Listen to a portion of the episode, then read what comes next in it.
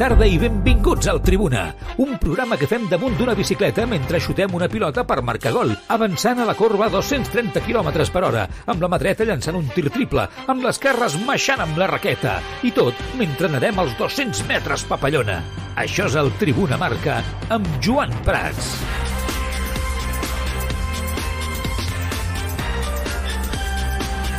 Molt bona tarda, benvinguts un dia més al Tribuna Marca. Espanya juga en una estona davant del Japó amb l'objectiu de classificar-se pels vuitens de final del Mundial. Luis Enrique prepara diferents canvis a totes les línies per un partit que amb victòria passaria com a primer de grup, que en cas d'empat dependria del que fes Alemanya, que juga a la mateixa hora davant de Costa Rica, i en cas de derrota també tindria opcions a Espanya de classificar-se al davant un equip físic que esperarà al darrere la selecció i que espera convertir el partit en un malson pels espanyols amb interrupcions constants buscant la seva oportunitat al contraatac. Acostumen a jugar amb un 4-2-3-1 amb Take Kubo en una de les bandes, a l'esquerra, sent el jugador més destacat a nivell de creació, però no l'únic. Camada, que es va enfrontar al Barça a l'Europa League la passada temporada amb l'Eintracht de Frankfurt, us recordareu, que després va ser campió, després d'eliminar el Barça, o Tanaka en la construcció són els pilars de l'equip i, si es recupera temps, veurem Tomiyasu, que seria titular també en defensa de l'Arsenal, que promet tenir una gran trajectòria i és un altre dels jugadors eh, destacats. Ara li pregunto al Carlos Rojas i parlem una miqueta també del partit d'Espanya, que juga d'aquí una, una estoneta, d'aquí a menys ja doncs, de 3 hores, en aquest enfrontament davant dels eh, japonesos. Estan ara mateix enfrontant-se al moment que estem registrant el programa doncs, eh, tant els eh, partits del grup F, el Canadà 1, Marroc 2 i el Croàcia 0, Bèlgica 0. Ara mateix aquesta seria la situació. El grup F, ara mateix, amb aquests eh, resultats, Marroc seria primer, 7 punts, Croàcia segon, 5 punts, Bèlgica 4, Canadà 0. Per tant, això voldria dir que Croàcia, si Espanya quedés primer, seria el rival a vuitens de final d'Espanya. Per tant, el Marroc, que és l'equip que jo crec que ha d'evitar Espanya tant sí com no, en aquest sentit seria doncs, el rival de, veuríem si d'Alemanya, possiblement, o de o Costa Rica, Japó. Ja veurem, eh, en, aquest, eh, en aquest sentit. Hem de parlar de molts aspectes. Ahir es va classificar Leo Messi, eh, juntament amb Polònia, Argentina i Polònia, els, els polonesos horribles, ara, eh, per mi, bueno, especulant 100%, en un exercici horrible d'honor esportiu, ja no futbolístic, sinó esportiu a tots els eh, nivells. El Barça està pendent de veure què diuen els jutges sobre la sanció, no? definitiva o no, amb el tema de, de Lewandowski, perquè quedem encara pendents no? de si el recurs del Barça pot minimitzar els tres eh, partits. Pancarta a Madrid de nou de Joan Laporta del Barça, motiu de la nova botiga del Futbol Club Barcelona a la capital d'Espanya. Xavi ha tornat a Qatar i tornarem a parlar del fill de Joan Laporta. Sí, perquè el tema s'està començant a emmerdar cada cop més i, i ens reunarem amb el Carlos Rojas, que ja el tinc per aquí, el saludo a aquestes hores de la tarda. Carlos Rojas, què tal? Molt bona tarda, com estàs? ¿Qué tal? Muy buena tarde, por muchas ganas ya de cerrar esta fase de grupos del Mundial y ponernos con el Mundial de verdad, ¿eh? Correcte. Bé, en directe a través de Radio Marca Barcelona, a través de radiomarcabarcelona.com, disponible a través de l'aplicació mòbil per iOS, per Android, a través del podcast Spotify, iVox, eh, eh, Apple Podcast, Google Podcast, Podcast, tot el podcast, allà estem nosaltres. Eh, també a través del Twitch, eh, que estem en directe allà a través del Twitch, twitch.tv barra el Tribuna, o a través del YouTube també. Podeu participar a través del xat, us anem llegint, ja veig que a poc a poc aneu arribant. I recordeu que tenim el TikTok, Tribuna Marca i el eh, Telegram, que en aquest cas és Tribuna Barça. Eh? Ens deixaven Tribuna Marca, no sé per què, era Tribuna Barça. Eh? És el és, en aquest cas, Tribuna Barça, el grup de Telegram del Tribuna Marca, que ja fem enquestes, eh? anem xerrant tot el dia sobre l'actualitat del Barça. Ara està una mica més fluixeta la cosa, no? perquè tampoc està jugant No el Barça creas, en aquest eh? sentit. No, está, está, está, están, están, en, están on fire. Ayer, ah, vale, me ayer, gusta, me, gusta. ayer me acuerdo que cuando puse el tuit de, el tuit, el mensaje de que habíamos empezado Sí. el programa, estaban dos discutiendo sobre, sobre Qatar, el Mundial y la ética. Quiero decir, al final ahí es un foro de Discusión con deportividad, ¿eh? Eso, eso me gusta. Bueno, a ver, ¿qué? Sensaciones para hoy. Buenas, ¿no? Yo- Japón, ojo, no, no tiene ni a Mark Lenders ni a, ni a Oliver pero tienen a una serie de jugadores que juegan en Europa, la mayoría de ellos en Bundesliga, con Take Kubo y con este jugador del Arsenal, ¿no? Que veremos si juega, si se recupera a tiempo o no. pero es un equipo que el antifútbol de España, ¿no? Sería un poco la definición. Ojito Sí. con ellos. A mí me, siempre me, me ha gustado mucho. Yo me acuerdo cuando salió en el sorteo Japón en el grupo de España. Evidentemente no es un rival que te alegre ver porque no es un rival flojo flojo, ¿no? Pero tampoco es es más, es más fuerte que te puede tocar. Pero siempre es un equipo, una selección que compite muy bien en los mundiales. Eh, creo que nunca falla, es decir, siempre genera entretenimiento. Yo creo que lo vimos ya en la primera jornada contra Alemania. Es un, es un equipo difícil de ganar, sobre todo. ¿no? Eh, pero es verdad que tiene un- para mí un problema muy grande de falta de gol. Yo creo que el, eh, el- cuando ganan a Alemania eh, no hay más que ver el, el gol, ¿no? Eh, que es un- prácticamente una jugada individual brillante de estas que, hay que decir, el equipo juega con un bloque muy lejano a la, a la portería, le cuesta mucho avanzar, ¿no? Eh, plantarse en el, en el campo rival, ¿no? Yo creo que es una ventaja para España. El otro día, por ejemplo, contra Costa Rica, les costó muchísimo siquiera tener oportunidades de gol. Es verdad que tuvieron una hacia el final en la que por una serie de errores no acabó entrando, ¿no? Y salvaron y no salvaron un punto. Eh, pero es un equipo con dificultades realmente, ¿no? Para crear. Yo creo que les gusta más correr en ese sentido. eh, y aún así tampoco son especialmente, ¿no? A mí no me, no me están generando esa sensación de equipo peligroso en cuanto al ofensivo. Dicho esto, dieron un campanazo brutal, ¿eh? Contra, campanada brutal, perdón, contra Alemania en la primera jornada. Por tanto, ahí está un poco el, precedente. Pero en cualquier caso, incluso en el peor escenario posible, yo creo que España, por solo la goleada a Costa Rica, ya lo tiene muy bien encarrilado. Rumores de 11 de España, Unai Simón en portería, Carvajal, Pau Torres, Lapor, Jordi Alba, esta parece que es la última hora, ya sabéis que esto va, día a día va oscilando, ¿no? Coque, Rodre, Pedri en el centro del campo, Dani Olmo, Morata y Ferran Torres arriba. Por lo tanto, no habrían tantos cambios. ¿eh? Prácticamente sería... Este me entra más que el del otro día. Sí, bueno, prácticamente sería Coque por Gaby, eh, Pau Torres, ¿no? Por Rodri, eh, sería por Busquets, pero por Rodri a nivel de, de demarcación. Y, y ya está. El resto, ¿no? Sería. Bueno, Morata, ¿no? Por, por Mm. Asensio. Sí, como no, titular digo. Morata, ¿no? El otro día lo hablábamos y dije, yo creo que Luis Enrique hará tres cambios, con muchísimo cuatro, ¿no? Porque al Mm. final cambiar seis, siete jugadores puede ser peligroso, ¿no? También para la estabilidad de- del equipo que ha jugado dos partidos, que eso han sido dos buenos partidos en, en cómputo global. El primero excelente, el segundo diríamos que bien tirando para notable, ¿no? Eh, sería desestabilizar demasiado porque puedes perder Claro. el partido y, y- y entrar en un aura de dudas, ¿no? Por mucho que pases de ronda y no, no está bien. Eh, dicho esto, sí que me sorprende que esté antes Pau Torres que Eric García, ¿eh? En el eje central de la defensa. Veremos, ¿eh? que esto es una especulación eh, No, no, sí, sí. de filtración y al final yo creo que precisamente hay algún entrenador que te coge o que pilla a los periodistas por sorpresa, ese es en este caso, ¿no? Luis Enrique, ¿no? Que me parece que, que sabe perfectamente, ¿no? En este aspecto cómo, cómo va, ¿no? El, el tema y, y que siempre, bueno, mm, filtra poco, esa es la verdad, ¿no? Y es No, un no, secreto de sumario de él y de su equipo y de ahí sale muy poco y es un búnker importante, aún así alguna vez sí que es verdad que se ha llegado a filtrar el 11 con cierto criterio por parte de los periodistas que cubren la, la selección o el día a día de la selección eh, española. La verdad es que yo espero que España hoy mm, mejore la, la imagen que dio ante Alemania. Yo ya lo dije eh, al día siguiente y durante la retransmisión que estuve con los compañeros del Diario Sport, que hoy también estaré ahí en el, en el Twitch de- del Diario Sport con David Bernabeu y el equipo.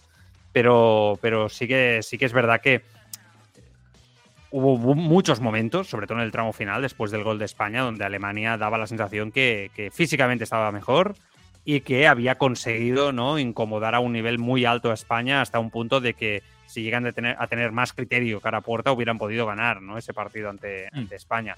Entonces, dicho esto, creo que es importante que España no solo gane para ser primera de grupo y, y reafirmarse en lo que venimos viendo ¿no? de esta selección en, en los últimos tiempos, sino también, creo que esto es importante remarcarlo, para mejorar las sensaciones del tramo final ante, ante Alemania, ¿no? Porque no sé si incluso se puede decir que ha habido cierta exageración por parte de algunos o algunos focos de opinión, ¿no? Eh, por el rendimiento de España ante, ante Alemania. La situación es muy buena, pero Japón es un equipo claramente inferior a España. España es la número 7 del ranking mundial, Japón es la número 24. Mm, No es como Costa Rica, es una selección de más nivel, pero España es claramente superior. Ahora bien, ojito, España va a tener altos porcentajes de balón, va a practicar su fútbol, Japón le va a dejar practicar su fútbol, y eso es bueno para España, pero es el típico partido donde van pasando los minutos, aquí no marca nadie, ¿no? Eh, y Japón en los últimos 20 o cuarto de hora final, ¿no? Con empate a cero, te busca, te busca y, te complica y una jugada a balón parado y, ya lo hicieron con los alemanes. ¿eh? O sea, hay que ir eh, con cuidado con el paso de los minutos, porque este equipo sabe jugar a ello, ¿no? Utilizar el paso de los minutos, el tiempo y poner nervioso al rival, a priori siempre sintiéndose inferior a los rivales con los que juega y así saca mucho. Y es verdad que es un juego muy físico, ¿no? Eh, muy disciplinados eh, en las tareas eh, de todos ellos, en este 4-2-3-1. Y hay que ir con ojo. Hay que ir con ojo porque a mí me, me, recuerda mucho a aquella Corea que se cargó, ¿te acuerdas, Carlos, a España? ¿Te acuerdas de aquellos, Sí. los coreanos que parecía que eran una banda, ¿no? Eh, y, y aquel partido se fue complicando por momentos en base a eso, ¿no? A la lucha, al no dejar jugar el juego de España. España no jugaba ahora, no jugaba un fútbol tan identificativo con el juego posicional como, como ahora en ese momento, pero sí que es verdad que era protagonista con el balón y era un equipo valiente, ¿no? En ese, en ese aspecto. Bueno, pues a eso voy, ¿no? Vigilemos. Yo creo que es especialmente importante hoy que España marque pronto, o cuanto antes, o en la primera mitad. Yo creo que es muy importante que el equipo no pierda la intensidad, porque es- eh, en ese sentido quiero decir, ya Luis Enrique en rueda de prensa, ayer lo escuchamos, o no va a especular con el resultado, yo creo que está claro. Creo que el mensaje también lo tienen muy, muy introducido los jugadores de España por una cuestión básica, y es que si tú hoy sales a especular, llegan los octavos de final y has estado mucho tiempo sin esa tensión competitiva. Un mundial te obliga cada 3-4 días no estar a tope, a ir al máximo de intensidad. Es mucho, por eso hay muchas lesiones y, y luego los jugadores se ven muy mermados físicamente. Si tú hoy, entre comillas, te relajas, aparte de que Japón tiene armas para hacerte daño, hemos repasado antes los jugadores, y, y ya hemos visto ¿no? en este mundial que es capaz de hacer daño a una selección puntera como es Alemania. Yo creo que, que además, por mucho que tengas, incluso te valga la derrota, ¿no? Entre comillas, tienes peligro, ¿no? De cara a octavos de final, porque el rival que venga, que está jugando ahora, ya sabemos, no sabemos quién es aún, eh, Mm, no. viene de eso, de máxima Claro, intensidad. No, no sabemos quién es y estamos pendientes, ¿no? Si, si marcara a Bélgica. Está atacando mucho Croacia, ¿eh? Minuto 55, 0-0. Pero es verdad que si marcara. Bélgica, eh, sería Bélgica, ¿no? En este caso la que se clasificaría. O sea, Sí. podría haber tranquilamente un Bélgica-España, ¿no? En- que es algo que yo creo que poca gente se con- contemplaba, ¿verdad? Cuando salieron los grupos, que fuera Bélgica el rival. La gente decía, los dos primeros, ¿verdad? Saldrán. Y, y Bélgica, que se está complicando la vida y que se están autoinmolando de mala manera en este mundial, con una crisis interna brutal a nivel de ambiente, ¿no? De la mejor generación belga, seguramente, ¿no? De, no sé, me atrevo a decir, de la historia de, de su país. eh, Sí, y sí, la sin están duda. acabando de destruir ellos solos, ¿no?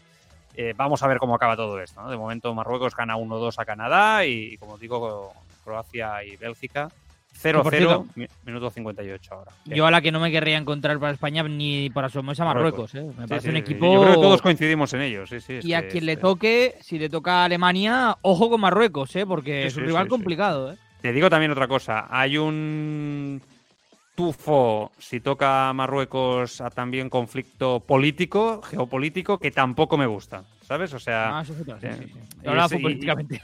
No, ¿sabes qué pasa? Que eh, hay, hay países que están acostumbrados a jugar con esos ambientes geopolíticos eh, a nivel futbolístico, saben que no se, no se separa una cosa de la otra. España no. España es una selección que no está acostumbrada a conflictos que se trasladan al fútbol. Y no tengas dudas de que Marruecos, si se enfrenta a España, va a llevar como país ese conflicto más allá de lo puramente deportivo.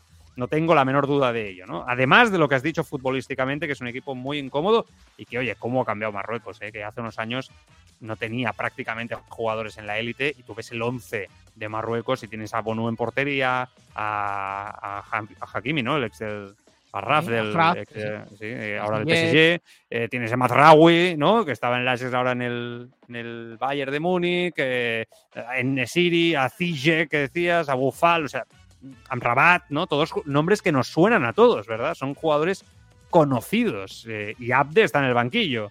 Eh, No sé, me dejaré alguno seguro de los más eh, de los más conocidos, los más conocidos seguro. Munir, ¿no? También debe estar ahí convocado, Sí, si no me equivoco. Está convocado, sí, sí. Está convocado. ¿no? Pues, pues eso. Ah, eh, El tema es, el tema es precisamente eso, ¿no? Que es, que es un rival que también está. Ahora hablabas de Bélgica, ¿no? Que es el, está en su mejor momento en Mm. cuanto a nombres. Marruecos en cuanto a nombres en los últimos años, sin ninguna duda. Y además futbolísticamente tienen, tienen idea y tienen identidad. A mí, a, a día de hoy, por estado de forma, Mm. me parece el mejor equipo del, del grupo F.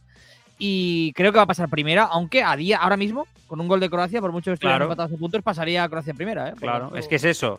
Eh, si pasa, si marca Croacia ante Bélgica, sentencia entre comillas a Bélgica, porque quedarían minutos.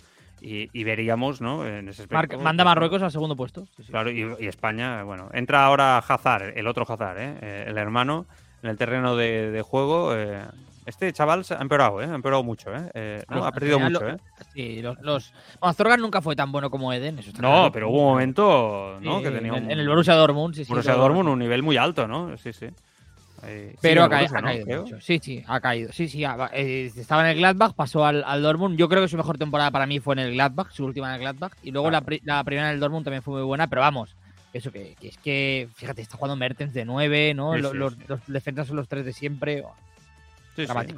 Está Mertens, está Witzel, ¿no? Los de siempre.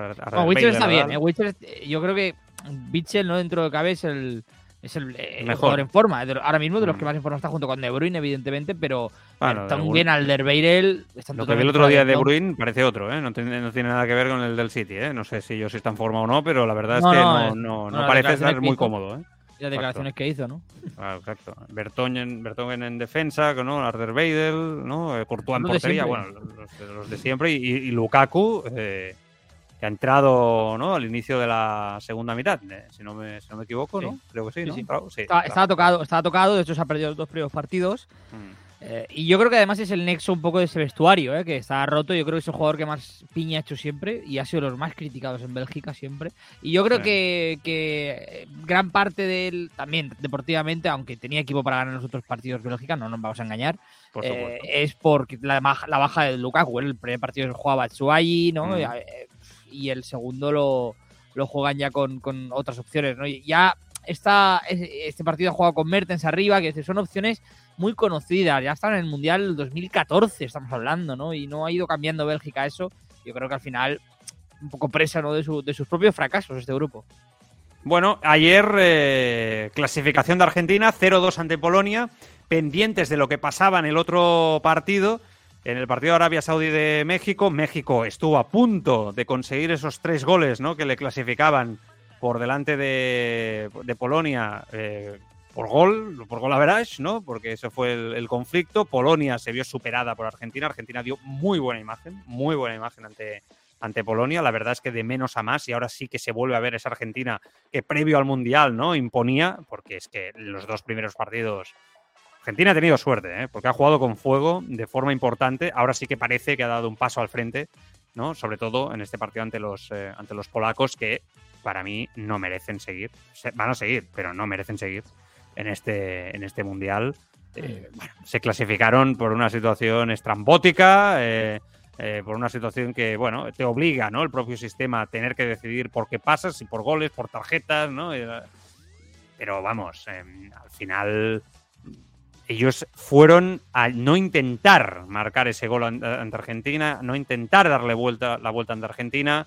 No sé, la verdad es que la imagen fue para mí muy triste. Por, entiendo que no tiene mucho más, entiendo que Polonia es lo que es, entiendo que Polonia es Lewandowski y poco más, pero no sé, a veces el honor, ¿no? Eh, creo que a mí me gusta más, es mi manera de entender un poco la vida, el deporte, el fútbol, pero a mí me dio penita, ¿eh? sinceramente, ver ayer, Carlos, a, a Polonia en esta situación. Y me sabe mal por México, ¿no? El Tata Martino que finalmente pues se vaya, ya lo dijo que se iba.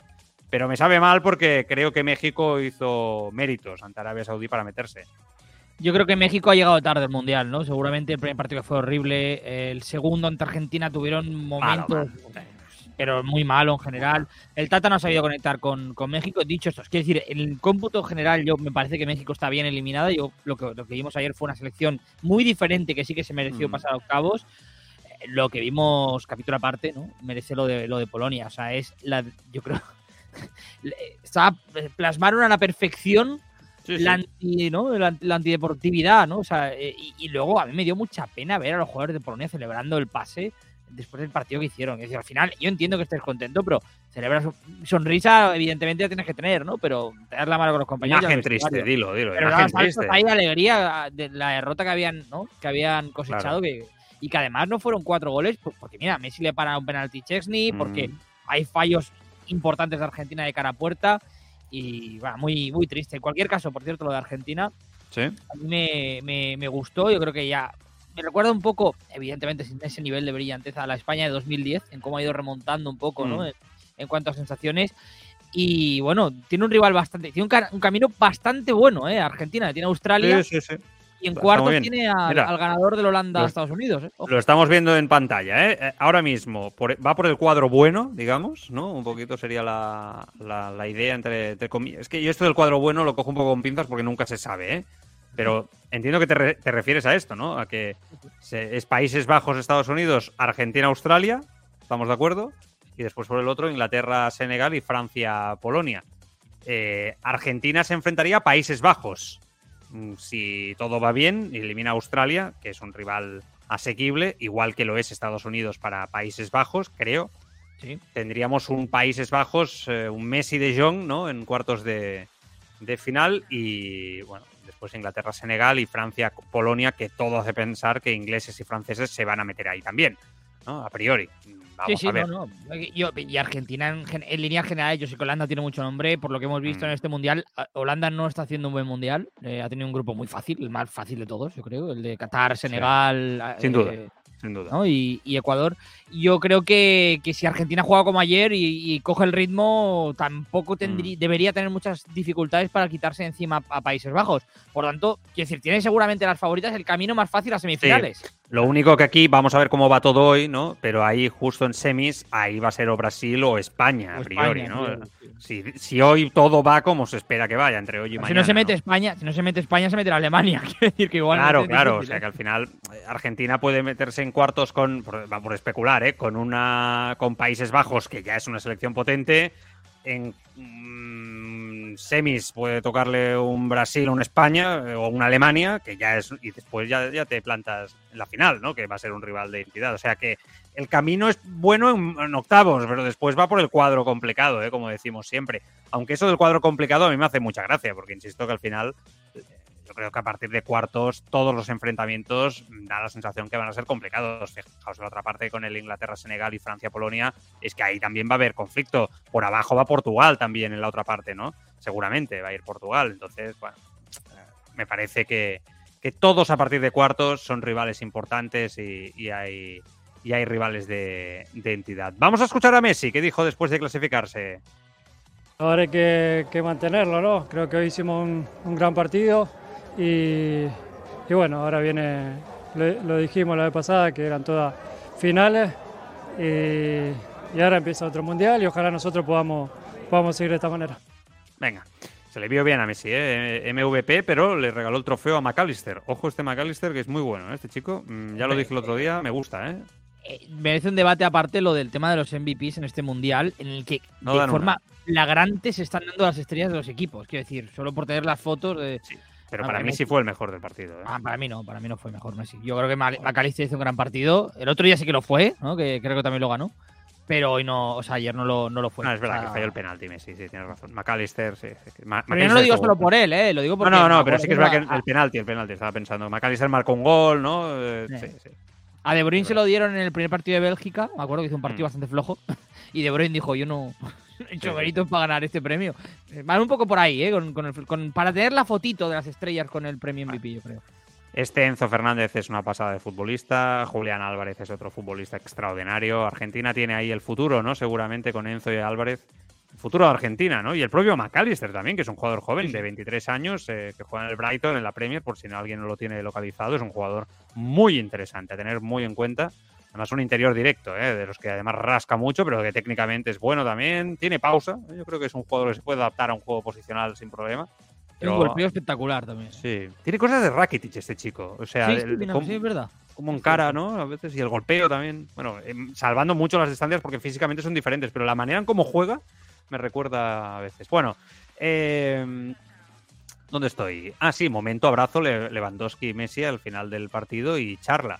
Eh, en Twitch y YouTube estamos viéndolo en imagen, ¿no? Que se abrazan y Messi le empieza a decir algo a la oreja, Lewandowski le dice, el otro se tapa la boca, le dice, mira, sí, oye, nos vemos en Barcelona, no, que me voy a Miami, ah, vale, no vienes a Barcelona, no, no, sí, sí, que no, que me voy a Miami, ah, vale. Esto le he puesto yo así un poco de voz. Pero, pero es verdad que el momento como tal no, ja- no deja de ser curioso. Es verdad que las mujeres se llevan muy bien, porque han colgado fotos en París, ¿no? La Lewandowska y la y Antonella.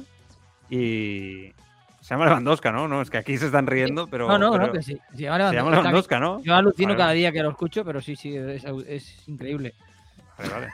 No, no. Pero- es que- no, no, porque Lewandowski, no sé, es que Lewandowski, Lewandowski, no sé, yo no sé cómo va el tema de los apellidos ahí, pero Lewandowski no suele ser muy, tampoco muy típico, ¿no? Mm, Aquí, aquí tu Gromi nos está diciendo, buen rollo no parece, dice. Buen rollo no parece.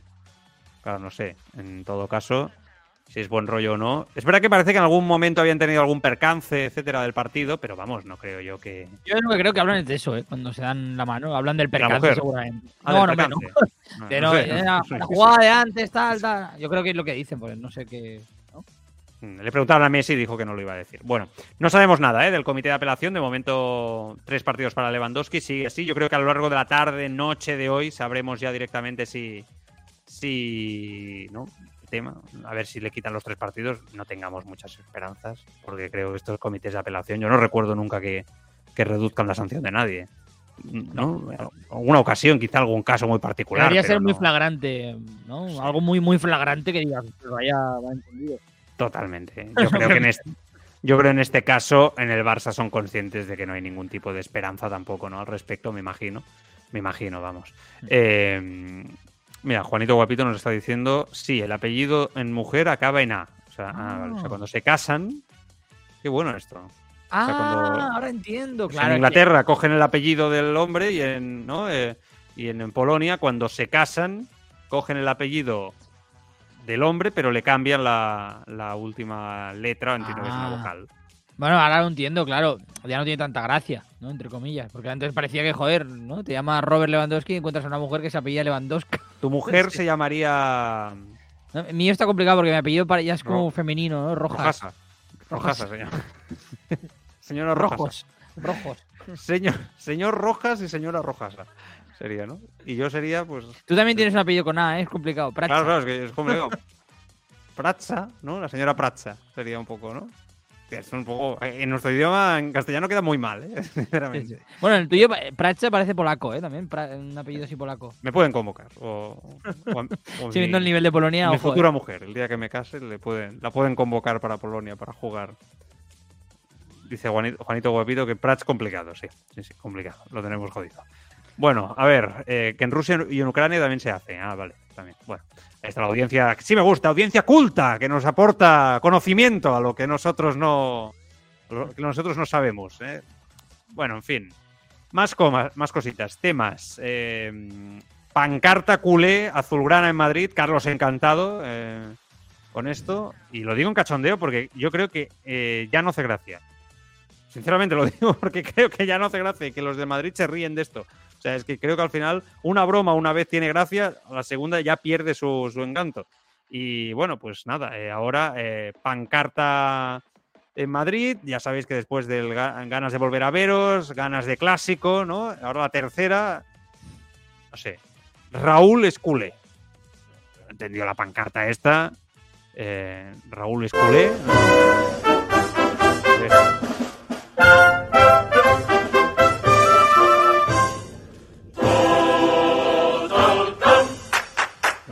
Estamos viendo la pancarta. ¿eh? Nos estamos escuchando por la radio. Muy bonita. Calle Arenal. Bueno, Calle Arenal, donde se ha inaugurado la nueva, la nueva tienda ¿no? del, del Fútbol Club Barcelona, la primera tienda del Barça en Madrid, en la capital. Eh, Calle Arenal número 9. Muy bonita toda ella, yo lo celebro, me encanta, pero lo de la pancarta. Y además se- han dicho que no era por Raúl González. Se ve que es por el propietario de la tienda, que la fran- el franquiciado que se llama Raúl. No es coña, ¿eh? No es coña. Pero aquí el departamento de marketing algo ha tenido que hacer, ¿no? También. No es coña, ya, ya. Pero ha venido perfecto y han dicho, venga. esto eh, no, es, es- ya tuvo su gracia en su momento. Ahora no sé, a ver, que hay mucha gente que le encantan estas cosas, pues lo celebro, ¿eh? pero a mí no. No me gustaría que el Madrid estuviera todo el día colgando pancartas del Fútbol Club Barcelona en Barcelona. Eh, es incluso complejado para mí un poco. Sí, yo, yo también lo he pensado. De hecho, el Madrid tiene una aquí en Ramblas, ¿eh? Sí, una una tienda, sí. eh, de hace tiempo. Yo creo que, que estamos bastante eh, por cierto. No, no, no es por nada, pero siempre que paso, ¿Ah, no, no es por meterme con nadie, no lo digo de verdad, ¿eh? Lo digo de Mira, verdad. o sea, yo creo que más, más, céntrica, más céntrica no la pudieron escoger. Creo Sí, que hay Arenal pero- también es bastante céntrica ¿eh? en Madrid. Claro. Arenal, sí. Pero por eso te digo que me da la sensación que la gente que viene a Barcelona, a Barcelona, el, el turista es el que va a entrar en la tienda del Madrid, el que no tiene una Claro, muy Bueno. emocional, digamos.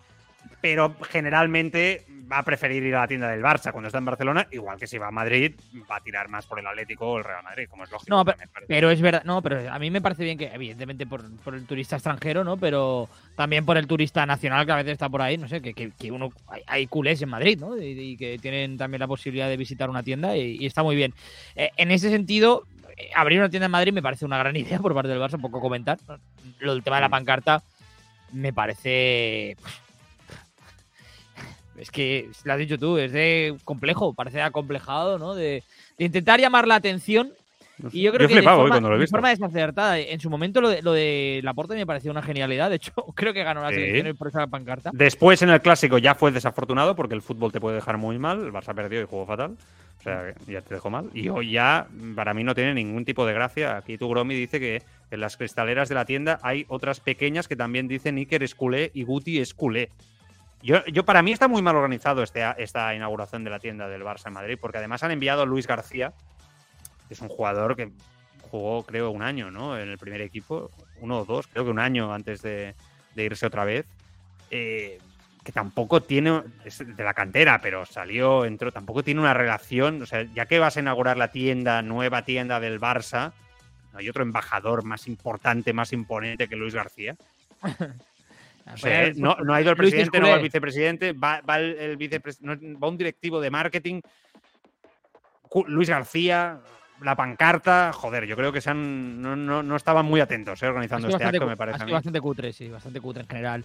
Eh, fíjate, eh, el himno con la misma, la misma acción de marketing que, utilizó la porta para ganar las elecciones. Lo importante que es el contexto, saber utilizarlo, el mensaje, ¿no? Y que las balas las tienes que gastar una vez en este tipo de casos. Y después tienes que seguir demostrando creatividad para seguir haciendo daño.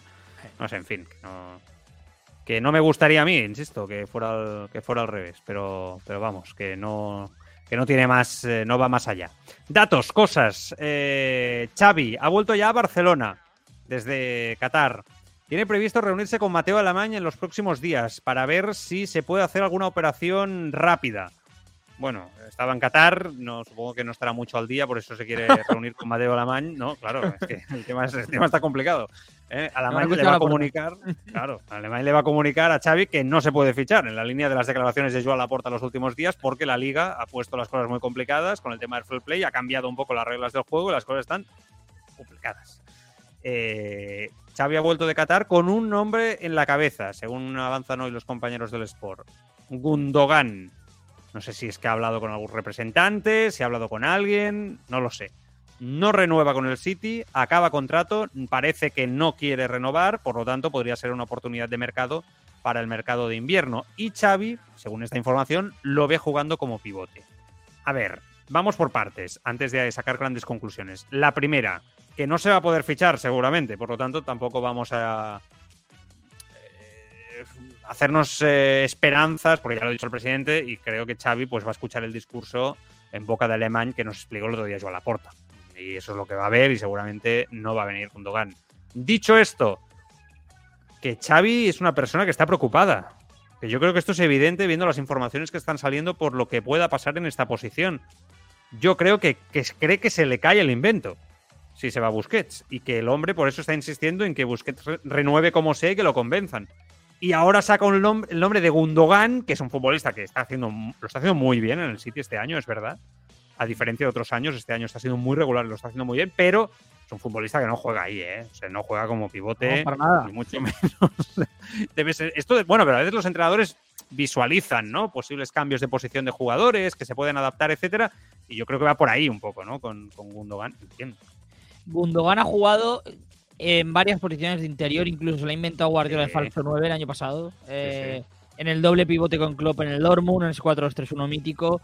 Nunca como centrocampista de contención o como medio centro posicional. Al contrario, siempre ha sido un interior de, llegador. En el City, además, no insisto, ha, estado incluso más cerca del área. No, no, su progresión como futbolista no ha sido convertirse en un jugador más de 5. Al contrario, ahí está muy claro quién es el Manchester City, que es Rodri. Y Gundogan ha tenido que ir adaptándose porque no ha tenido para nada competidores fáciles y ha acabado jugando muchas veces de falso 9. De hecho, el City el año pasado gana la liga con dos goles de Gundogan en los últimos minutos. lo hizo muy bien ese día. Con este recurso de, Guardiola. Como jugador, como oportunidad de mercado, Gundogan es interesante para el Barça, sin duda. Si Xavi realmente se lo plantea como ¿no? el 5 en vez de Zubimendi, Rubén Neves y demás, yo creo que es un error flagrante. Porque, Mm. salvo que él haya visto algo en un Gundogan que ningún entrenador haya visto y que quizá, oye, quizás es una apuesta suya personal y le sale bien, entonces bien, eh, me cuesta creer que sea una opción de garantía. Precisamente, Xavi está preocupado, el Barça está preocupado por no encontrar un reemplazo de garantía para Busquets. Yo creo que es una moneda al aire, Gundogan. No es ni mucho menos una garantía. Puede salirte muy bien, pero lo más probable es que acabe jugando en otra posición. No digo que no interior. valga para el Barça. Exacto, Es que yo creo que es un jugador que perfectamente podría jugar en el Barça de interior, sin duda, y competir con Gaby, con Pedri, sin duda. Tiene calidad para hacerlo. Es un jugador de primerísimo nivel que ha vuelto a recuperar la chispa que había perdido en algún tramo, ¿no? En el Manchester City, y yo lo celebro. Pero vamos, de pivote, no sé. Eh, no sé. Eh, hoy hemos sabido también que Busquets ha pedido cita para comunicar su futuro de forma oficial al club en febrero, principios de febrero. Vamos, que ya sabemos lo que le va a decir. ¿no? O sea, que se sigue especulando, pero está claro lo que Busquets tiene intención de decir, que no quiere decir de forma oficial ante los medios cuando se le pregunta, pero parece que internamente, pues ya os lo dijimos, que su entorno nos lo había dicho a nosotros ya el año pasado. Esto era a finales del año pasado, ¿no era, Carlos? Si no me equivoco. Sí, a, a principios de este. O sea, más o menos fue para el mercado. Sí, sí, imagínate. Entonces, bueno, creo que la decisión está muy clara y que creo que Xavi se tiene que relajar un poco porque evidentemente es un reto, pero el Barça lo va a afrontar porque nadie, no hay nadie imprescindible y que Busquets te aporta mucho, pero también es verdad que en muchos partidos te ha restado y hay que reconocerlo. Y que este año ha jugado De Jong ahí, por ejemplo, en algún momento y no ha habido tanta diferencia en cuanto ha jugado con Busquets, entendiendo que son perfiles diferentes. Y hay que, hay que empezar a aceptarlo sin dramatismos. Y yo creo que Xavi debe de ser consciente. Y oye, hay un jugador como Nico que está en el Valencia, que quizá en algún momento, pues ya sabemos que a Xavi parece que no le convence, ¿no? Jugar- verlo jugar ahí, yo creo que en general tampoco le convence, pero es un futbolista que tiene experiencia ahí, ahí y que es importante saber que quizá el Barça en verano no puede fichar tal como se están poniendo las cosas, ¿no? Y entonces vas a tener que utilizar al que tienes en casa, ¿no? Que es Nico y es un jugador con ganas de hacerlo bien. No se han movido los resultados, por lo tanto 1-2 Marruecos a Canadá, 0-0 Croacia-Bélgica, por ahí no, no hay cambios, pasarían, insisto, los eh, croatas como segundos y, y Marruecos como primero, queda poco, Bélgica no da sensación de peligro, todo lo contrario, y da la sensación que, vamos, no sé, Bélgica va a quedar eliminada de- del Mundial de forma desastrosa, seguramente sería la gran decepción, ¿no? Me atrevería a decir, no sé. Sí, sí. Hasta, hasta ahora es la gran. Estaba mirando Sí, los sí, otros. Los otros, mm, podríamos decir que Dinamarca es un poco de excepción. Alemania hasta ahora también es un poco de excepción, pero Bélgica es la que. eh, la- una de las favoritas, ¿no? Yo creo que mucha gente, en mi caso no, ¿eh? Pero mucha gente, seguramente hace dos o tres semanas la habrían puesto por delante de España, ¿eh? En cuanto a Mm. favoritismo en el mundial. Tema que sigue en el mercado. Javier Miguel explica hoy que el Barça lo quiere vender por 10 millones. El entorno del jugador dice que se queda en el Barça. Sinceramente, lo he dicho esta mañana que he estrenado en el canal de YouTube el blog más, por si os lo queréis mirar cada día. Cada día estaría ahí haciendo el- un poco la lectura en el canal de YouTube de la prensa deportiva de la mañana de- de- relacionada con el Fútbol Club Barcelona. Eh, la verdad es que es una pena lo de que sí, ¿eh? porque yo creo que ha llegado en un mal momento. Yo creo que es un jugador de talento en lo suyo, en un rol muy, muy determinado en un equipo como el Barça. En- En otro equipo con otro estilo sería un jugador mm, importante. ¿eh? En el Inter, en el Milan lo era. Pero creo que el Barça está aún en su momento de construcción en base a- al rol de los interiores, ¿no? El centrocampismo, que es básico en el juego posicional y en el juego que practica el Barça. Entonces me da la sensación que el Barça no está ahora para eh, jugadores recursos si aún no tiene dominado su fútbol al 100%, ¿no? Y ahí se encuentra que sí, sabiendo que nunca va a ser un jugador titular en el Barça, pero claro, el recurso... eh, No, si no tienes lo primero hecho, no vas a tener lo segundo, eso seguro, ¿no? Entonces me da la sensación que en el club dicen, oye, vino como agente libre 10 kilos, joder, esto es una buena operación para el club, ¿no? No, no, sin duda. Además es que es un futbolista que, tú lo has dicho, mm, tiene potencial para jugar en cualquier club pu- puntero. Claro. No ultra puntero, pero seguramente el segundo escalón de Europa. El titular, el Barça ahora mismo se le ha visto en muchos contextos que, que chirría. Yo creo que, que sirve incluso para este Barça, pero para partidos y escenarios muy concretos. Y eso ahora mismo, pues, un poco es, ¿no? Un poco es. Eh, Lo bueno, la buena noticia es que costó cero euros, eh, que puedes Mm. hacer negocio con él. pero 10 millones de euros me parece muy poco, porque sí, eh, yo creo que es un jugador de 20, 25 fácil. Yo creo que aquí el Barça. Entiendo que el jugador se ha evaluado por la falta de minutos, pero creo que el Barça puede sacar más eh, por, por él. Hmm. Y vamos con un tema que ya sabéis que hemos ido hablando. eh, de hecho, fuimos los primeros en, en sacarlo. Y de eso no hay ninguna duda. eh, y esto es algo que la verdad es que, bueno, nosotros ya sabéis que nos gusta mencionar siempre de dónde salen las informaciones. Me gustaría que el resto de compañeros también lo hicieran, pero bueno, esto a veces va, va como va y cada uno ha- hace lo que quiere en su programa o en su medio de comunicación y, y utiliza un poco la información como, como quiere. Y después la gente compra o no compra lo que, lo que sea, ¿no? Pero bueno, Aquí recordaréis que hace un año ya con Quique Was lo comentó, él aquí, eh, el tema de que los hijos de Joan Laporta y de Rafael Juste, vicepresidente, estaban, ¿no? Con la agencia de intermediación que la habían creado, eh, etcétera, etcétera, y, que estaban intermediando de alguna manera con fichajes del Fútbol Club Barcelona, algo que es ilegal, algo que choca de pleno ¿no? con los estatutos del Barça y que aparte es ilegal por ley. ¿eh? Ahora os explicaré por qué y que además, pues eh, el hijo de Laporta, Kim Laporta, estaba haciendo presión ¿no? para llevarse a chavales eh, jóvenes de las categorías inferiores hacia su agencia de representación con su socio Raúl Verdú, que además tiene otra agencia de representación. O sea, este chico tiene una agencia de representación, pero parece que para controlar este entorno del Barça han creado una SL donde está el hijo de Laporta al 50%, Kim Laporta, y donde parece que está también el hijo de Juste, del vicepresidente. Bueno, eso es un escándalo. Ya dijimos en su día que tenían que dar explicaciones inmediatas. No las han dado. No las han dado. Y ahora parece que en base a la información del confidencial del otro día, parece que se está empezando a indagar por parte de más medios. No hemos sido nosotros los únicos que, que lo hemos manifestado. Y se empieza a rascar un poquito, ¿no? Hoy ha sido la cadena SER la que ha puesto ya el, el grito en el cielo con este, con este tema. A mí me gustaría resaltar que Quique fue el primero en decirlo y en resaltarlo en este programa y que la información, esa información que ahora parece que es noticia, hace un año era una información de primerísimo nivel y era una información muy valiente porque vivíamos en un momento, no aquí, donde parecía que no se podía criticar nada del Barça. Esto por suerte está empezando a cambiar eh, y yo lo celebro sinceramente y celebro que esa información de Quique eh, sea confirmada por otros medios. Dicho esto, a lo que vamos, porque esto no va de ponerse meda- medallas, pero sí de destacar que la gente cuando hace las cosas bien, pues oye, hay, que, ser justo. ¿eh? Dicho esto, el club calla. Y es muy peligroso que calle. Porque esto es muy grave. Lo llevo diciendo desde el día que lo dijo Quique aquí en Entregó una Marca.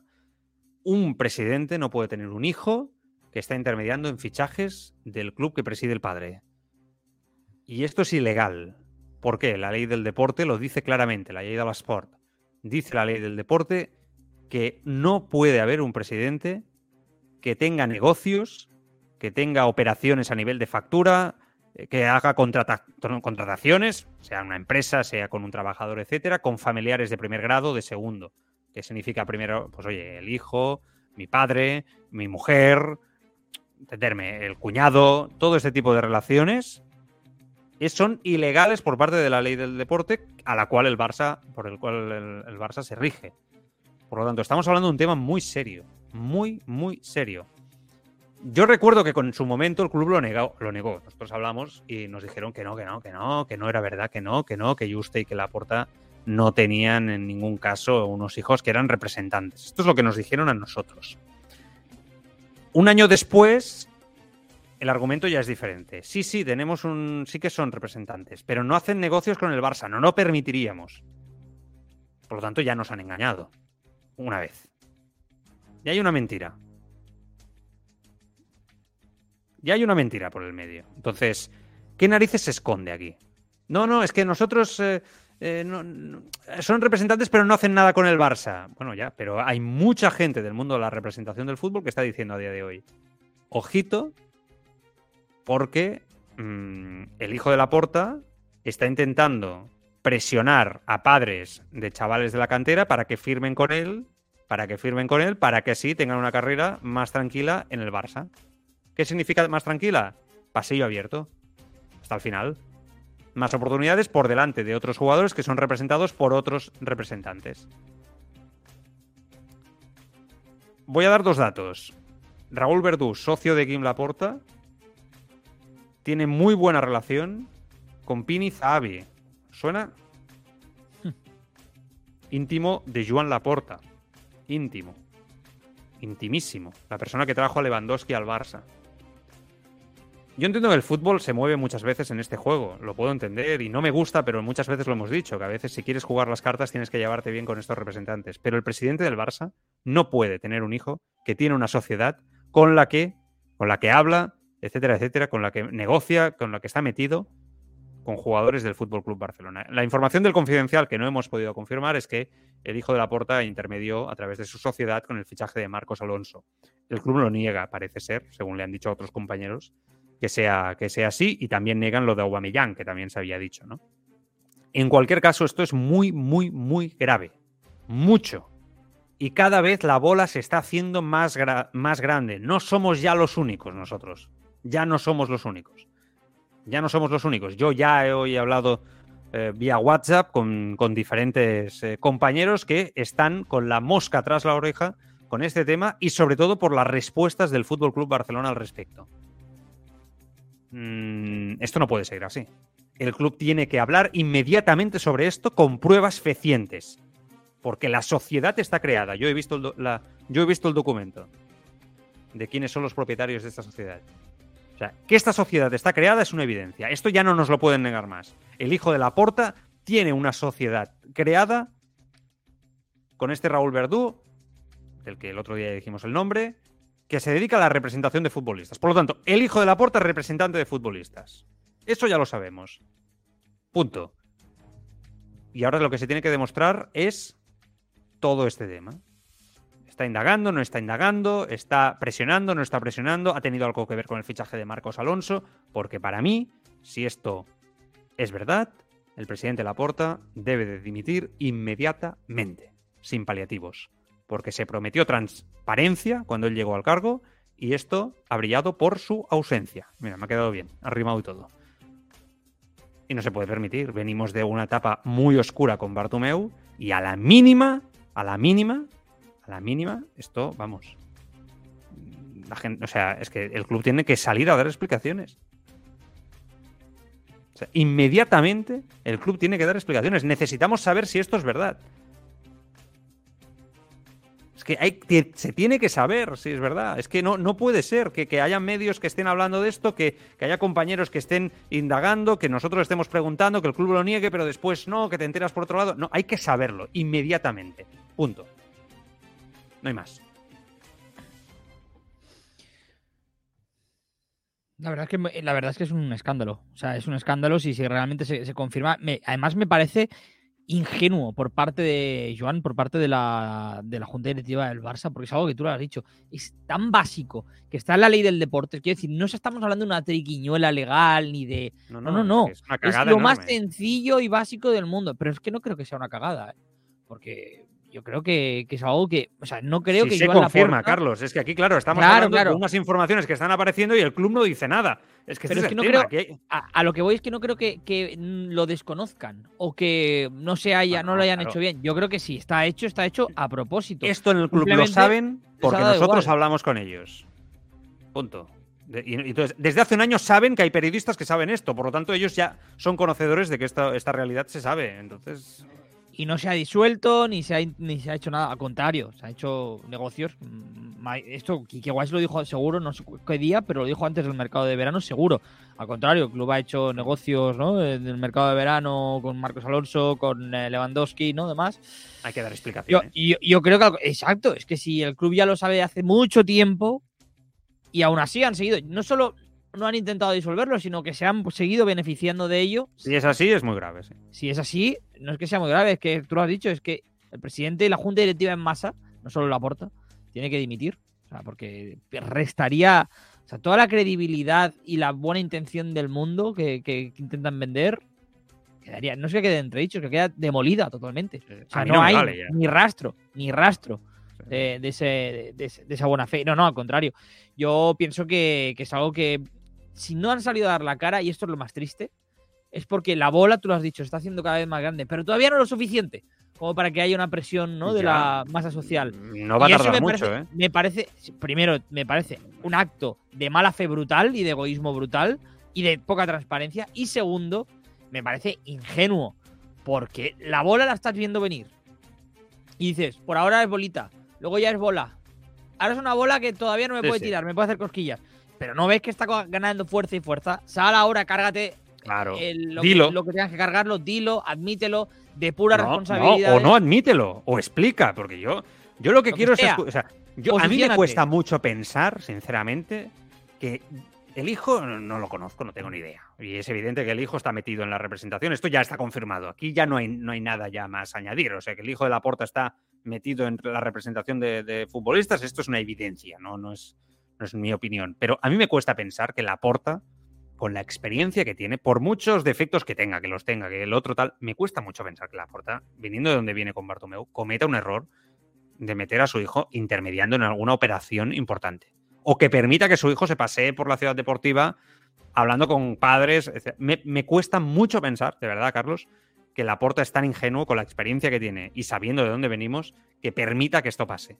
Si esto pasa, vamos, a mí me decepcionaría mucho porque sería un error importante por parte del presidente del Barcelona y inmoral, ¿no? También. Entonces, yo creo que lo mejor de todo esto es, presidente, o comunicado, ¿no? Negando informaciones, etcétera, que es lo que yo haría, ya hubiera hecho hace tiempo, y después, rueda de prensa.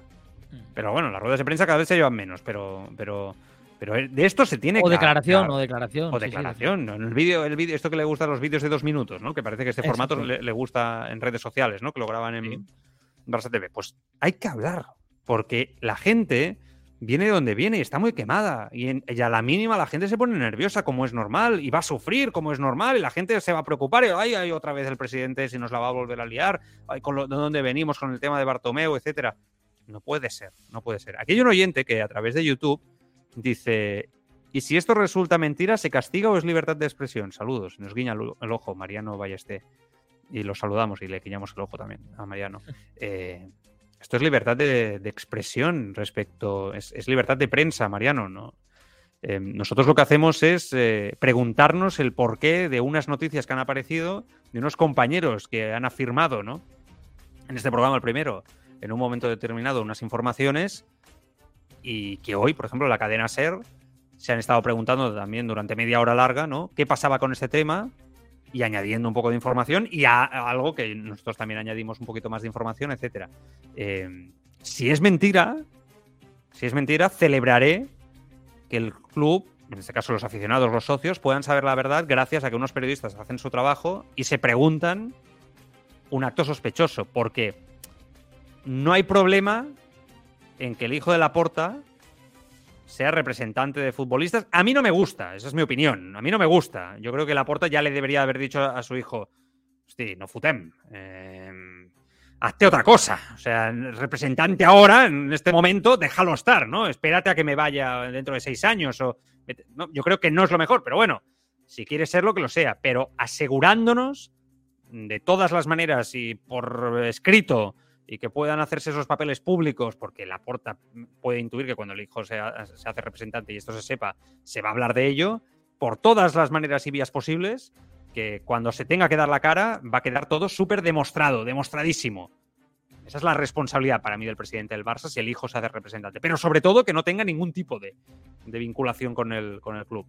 Entonces, si eso se demuestra, lo habré celebrado. Pero entenderás, Mariano, que hay una eh, vinculación y que es normal que todo el mundo se pregunte qué pasa, ¿no? Laporta es muy querido por parte de una afición, de la afición en estos momentos, yo creo que generalmente, por de dónde venimos, etcétera, etcétera. Pero eso, que sea muy querido por parte de la afición, no significa, en ningún caso, que ahora, ¿no? Eh, Laporta tenga que tener eh, a una prensa acorde con sus actos y que se pasee, ¿no? Sin ningún tipo de, de control y de crítica, haciendo lo que sea. Yo creo que esa es nuestra responsabilidad y que para eso estamos, ¿no? Para precisamente controlar todo ello y que esto no se convierta en lo que se convirtió en el pasado y que tanto daño ha hecho al club con José María Bartomeu al, al, al frente. Bueno, espero que te haya, que te haya podido contestar. Eh, Mariano decía gracias por su respuesta, los escucho siempre que puedo en directo. Gracias, Mariano, por, por escucharnos. Y celebramos que nos, eh, que nos escuches como tanta otra, otra gente. Bueno, no sé, vamos a ver. eh, Carlos ha sido muy claro también al respecto. eh, yo no sé, yo creo que no va a pasar nada de forma inmediata. Pero, la bola, es, la es bola un, va es viniendo, un ¿eh? error, pero es un error por parte del Barça. Claro, porque lo que tú dices. El momento, a lo mejor, yo qué sé, que puede ser mañana o pasado porque salte una noticia enorme, o, o puede ser aquí a tres meses o un año. El momento en el que esto acabe de estallar por completo, en ese momento, seguramente, el departamento de, yo qué sé, presidencia, lo que haya, ¿no? Los que asesoran a la puerta digan, vaya, lo tuvimos que haber parado. Tuvimos que haber sido claro. Porque ahora ya, porque si tú ahora sales, das explicaciones, no tienen ni Bueno, aún están a tiempo, eh, yo creo. No, Pero claro, claro, lo digo ahora. digo, porque sales un- ahora, lo, lo explicas, Ya. controlas la noticia. Ahora sí, ahora que la noticia, eh, exacto, si ahora dejas que te controle a ti, ya vas, estás sometido a, a un poco. Hay un run run en torno a esta sociedad que se ha creado. Esto no lo tengo confirmado, pero es un poco, ya os lo puedo explicar, qué es lo que se está diciendo un poco como argumento de defensa, que es que eh, evitan el Barça, que, que una de las eh, claves de la creación de la sociedad, no sé si incluso puesto en los estatutos, algo que estaría muy bien, ¿no? A la hora de crear la sociedad, es que no pueden trabajar con el Fútbol Club Barcelona de, nin- de ninguna manera. Lo que pasa es que esto a mí, aunque estuviera, me genera ya la sospecha, porque al final nos toman por tontos en la vida en general, políticos, autos, y hay que, hay que siempre pensar y hay que ir un poquito más allá y uno se da cuenta de que al final las relaciones humanas, pues eso, son relaciones humanas, ¿no? Y, y que lo que hacemos cada uno de nosotros en nuestro día a día, ¿no? Y como nosotros intentamos con las leyes, y, bueno, pues pagar aquí, pagar allá, cómo hago esto, pues es lo mismo que hacen estas, estas grandes personas en las esferas con millones y millones y millones de euros en juego. ¿A qué me refiero con ello? Que, que- que me, me- invento. invento. Que- para que veáis que a mí mm, todo esto me huele mal y que no me gusta nada que el hijo de la porta esté por ahí en medio.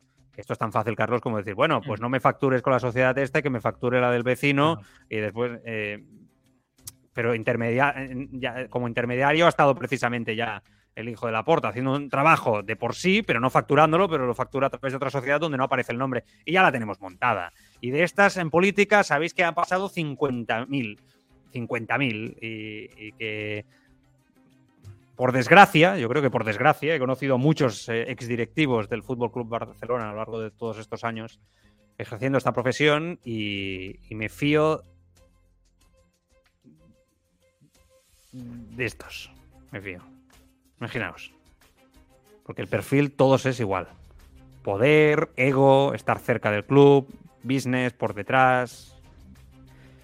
Entonces, bueno, puede ser que esta vez eh, estemos equivocados o los que pensamos que esto huele mal. Bueno, pues ojalá me equivoque, ¿no? Ojalá huela mal y ojalá la porta pueda salir ante los medios de comunicación y dar explicaciones. Seguramente la porta, no, si es así, si esto es así, Carlos, porque a veces esto pasa, ¿no? Eh, tú les dices, ostras, pero que no ve usted que esto es muy grave y ellos, a veces, no digo que la porta sea así, pero a veces con políticos y tal lo he visto, ¿no? En entrevistas que, les han hecho eh, de casos de corrupción o, ¿no? O de, o de eh, básicamente, de hacer acciones que con su ley, ¿no? Con su cargo pueden hacer, pues que ellos dicen, no, hombre, ya, pero claro, se creen que está por encima del bien y del mal, ¿no? Eh, y, y defienden todo desde una prepotencia y un ego. Quizá Laporta piensa que él tiene todo su derecho del mundo, que su hijo ejerza como representante y se aproveche de las relaciones personales de su padre como presidente. No creo que lo piense. Que quizá lo piensa, otra cosa es que públicamente no lo diga. Eso es lo que que- está. que- Por eso me he parado, por eso me he parado. Bueno, decir, no creo que lo piense, tampoco lo iba a decir, pero ahí me he dado cuenta, ¿no? De que quizá, oye, no sé, pueda. Sí, al final, la porta se, se lleva muy bien con Pinizabi, no de ayer, de hace muchos años, estamos hablando de décadas, ¿no? Incluso, entonces, yo estoy seguro que la porta le interesaba también en su momento, cuando, ¿no? cuando era presidente del Barça, en su primera etapa hablo, pues tenía Mm. relación con gente poderosa dentro del mundo del fútbol, porque no iba a ser presidente tenía. del Barça toda la vida, y La porque a lo mejor podía hacer negocio. La porta, nosotros, y esto ya hablamos de cosas nuestras, y esto Carlos es testimonio, Marc Truco que no está también. Nosotros estuvimos en el World Soccer Congress, que éramos el programa oficial del congreso este que se hizo en Barcelona de la Federación Española de Fútbol, ¿no? Había gente de la FIFA, etcétera, siempre lo explicamos. Nos estuvimos moviendo por ahí. Eh, la porta dio una charla, ¿te acuerdas, Carlos? Que dio una charla ahí en el congreso. La Sí, porta estaba mm, al lado de representantes, es una persona que se mueve en el mundo del fútbol. Y eso, yo creo que esas relaciones las aproveche para el bien del Barça, me parece perfecto. Perfecto, porque el fútbol funciona como funciona y yo siempre lo celebraré. Y me gusta mucho más Laporta en ese aspecto que Bartomeu, que no conocía a nadie del mundo del fútbol, ni lo conocía a nadie. Laporta es un hombre muy conocido y de eso el Barça se ha beneficiado trayendo a Robert Lewandowski, por ejemplo. Por ejemplo, ¿no? Pero ahí es donde tiene que acabar. El Barça se pueda beneficiar al máximo la Porta no se tiene que beneficiar de nada, ni su familia del Barça. Es, Ah, es, que- la, es es contrapartida. Es la contrapartida. Claro, eso tiene un precio, no, pues no, claro. no, que, que el presidente no cobra un sueldo y tal, ¿vale? Ya. Esto es así. Está hecho así el tema. Que no se presente. Pero las normas del juego estaban puestas ya, ¿no? Bueno, seguiremos indagando, investigando con este tema. Eh, Andrés y Palala, que llegan ahora al chat de Twitch, eh, pues bueno, poneros el programa para atrás porque ha estado interesante. Oye, eh, eh, Sí, sí. es que ahora cuando acabemos os podéis tirar para atrás. Eh, en Twitch tenéis la grabación o en YouTube también tenéis la grabación puesta y será interesante. Carlos, eh, Croacia, ¿no? Si España queda primero del grupo. Así es, es Croacia segunda, México a por la tanto, a priori es muy probable que sea, que sea Croacia el rival de España en, en octavos de final. Otro año más. ¿eh? porque yo creo que ya van varios, varios años. muy bien Croacia, ¿eh? Ojo Croacia, ¿eh? Ojo Croacia. Ojo Aunque Croacia. yo creo ¿eh? que es la Croacia más floja ¿eh? de los últimos Ah, años. ya, que ya. Pero es un rival Difícil, con sí, mucha. eh, Tiene política de.